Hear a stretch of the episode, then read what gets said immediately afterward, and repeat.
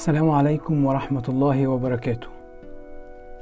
ومع وصول هاني الجرواني لمطعم سيتي سنتر عجمان أكون أنا اتنقلت للشغل في مطعم كنتاكي عجمان عشان أشتغل في الدليفري وتكون اتلغت دورة مشرفين الدليفري.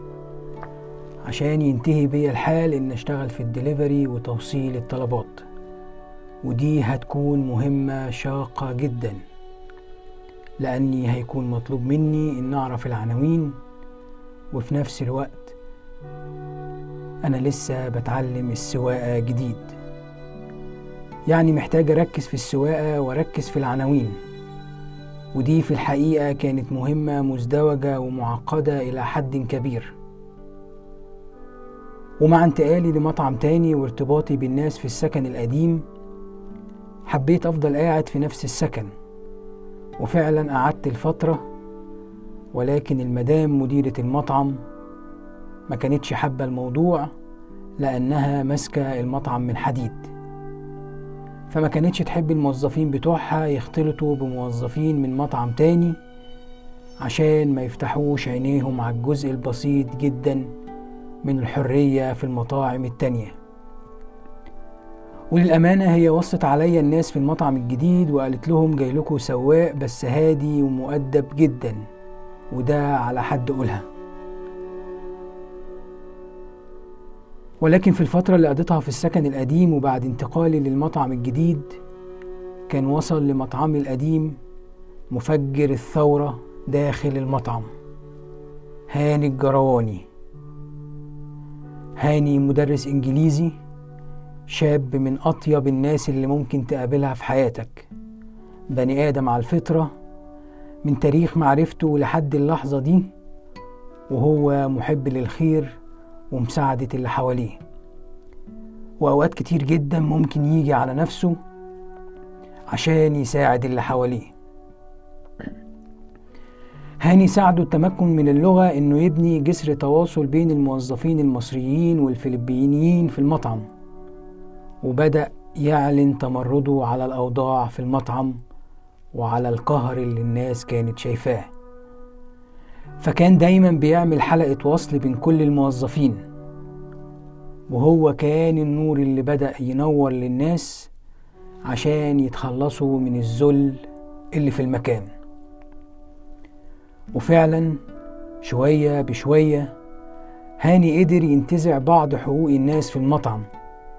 فمثلا قدر إنه يعمل ساعة بريك لكل موظف في الشفت وكمان قدر يخلي كل واحد ياكل وجبته برا جدران المطعم بدل الوقفة جوه المطعم والأكل على الواقف.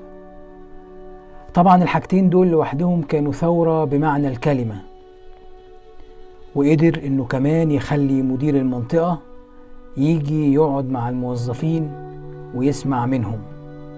ودي كانت من المستحيلات في المطعم ده. وبعد فترة من التغييرات دي مديرة المطعم ما كانش قدامها غير إنها ترقيه عشان تكسبه في صفها. وقد كان. اترقى هاني فعلا بس فضل في صف الناس بشكل محترف وبدأ يدرب الناس اللي حواليه. ويقول لهم أنتوا كمان تقدروا تترقوا وتكبروا والترقية مش حكر على أي حد. وده بالنسبة ليا مثال عظيم للقائد الحقيقي مش المزيف. لأن عمرك ما تلاقي قائد حقيقي خايف يكبر اللي حواليه أو خايف من نجاحات اللي حواليه. وبعد ما قضيت تقريبا ست شهور في المطعم ده وطلعت الرخصة واتنقلت المطعم كنتاكي عجمان واللي اتوجدت فيه كل ذكرياتي في كنتاكي واللي قضيت فيه أربع سنين من أصعب سنين حياتي وأمتعها. ومع أول يوم ليا في المطعم الجديد استقبلوني اتنين عمري ما بنساهم أبدا ولا بنسى فضلهم عليا. أخويا الكبير هيثم أبو الفتوح وكمان الست أم مصطفى. واللي كان بيدير المطعم ده الرئيس صبري. كان راجل دمس الخلق وعنده صفات الراجل الريفي المتحضر وكان قليل الكلام جدا. وكانت نظراته صارمة جدا في بعض الأحيان. وكانت نظراته دي في أوقات كتير كفيلة إنها توصل أي رسالة لأي موظف من غير زعيق ولا عصبية. وكان بيقدر يطلع شغل رهيب من كل الناس اللي موجودين في المطعم بكل هدوء. ونادرا لما كان يتعصب أو يخرج عن شعوره. وفي الحقيقة ده اللي كان بيميزه واللي كان عامل له هيبة وسط الناس. وبدأت رحلتي في كنتاكي عجمان واستلمني هيثم أبو الفتوح. واللي كان تقريبا مسؤول عن تدريب الناس الجديدة بشكل غير رسمي.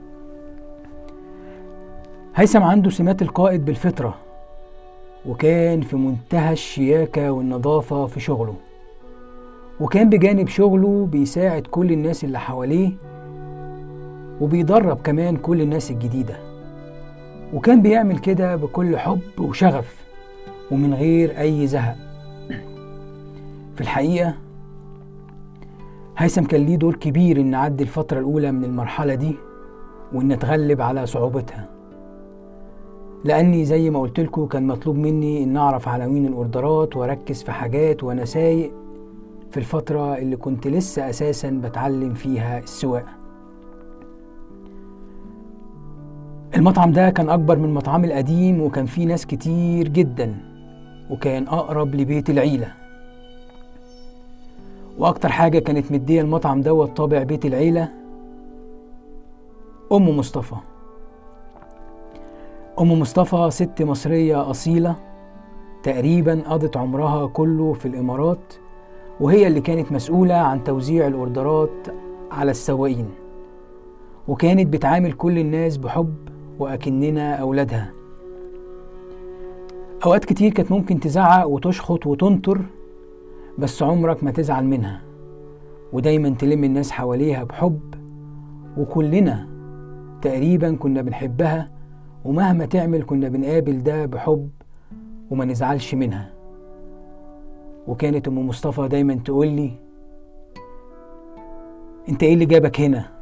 أنت مكانك هنا غلط. الست دي كانت تطمن على كل واحد فينا وتتأكد إنه كويس وإن مفيش حاجة مضايقاه من فترة للتانية. ولما كانت تزعل حد أو تزعق له أو تشخط أو تنطر كانت على طول ترجع تراضيه وتصالحه. وبعد سنة تقريبا من سفري عرفت إن حمادة سعيد اللي كان شغال معايا في مصر اللي حكيت لكم عليه قبل كده اتقبل في أمريكانا ووصل على الإمارات. ووصل حمادة سعيد وبسرعة الصاروخ طلع رخصة موتوسيكل لأن مرتب سواق الموتوسيكل أكبر شوية وكنت عرفت أن حمادة سافر من جاره واللي كان زميلي في المطعم في مصر. واللي كان من أنظف الشخصيات اللي ممكن تقابلها في حياتك شخص مؤدب جدا ومحترم وخلوق أحمد سمير. واللي كان جار حمادة سعيد في مصر وهو اللي بلغني إن حمادة جاي على الإمارات. المهم وصل حمادة وبدأ يشتغل واتكلمنا مرة أو مرتين بالكتير. وفي يوم من أيام الشغل وبعد ما رجعت بره وبعد ما رجعت من بره ودخلت المطعم وكانت تقريبا الساعة 11 بالليل أم مصطفى قالت لي بكل هدوء في سواق موتوسيكل في دبي مات وهو بيوصل أوردر. وشوية والخبر انتشر في الشركة وكل الناس عرفت. وكان اللي مات هو حمادة سعيد. مات حمادة سعيد وهو طالع بيشتغل وبيوصل أوردر في حادثة على الطريق وكانت من أصعب المواقف اللي مرت عليا في الغربة. في اللحظة دي وقفت منهار وما بقتش مجمع أعصابي.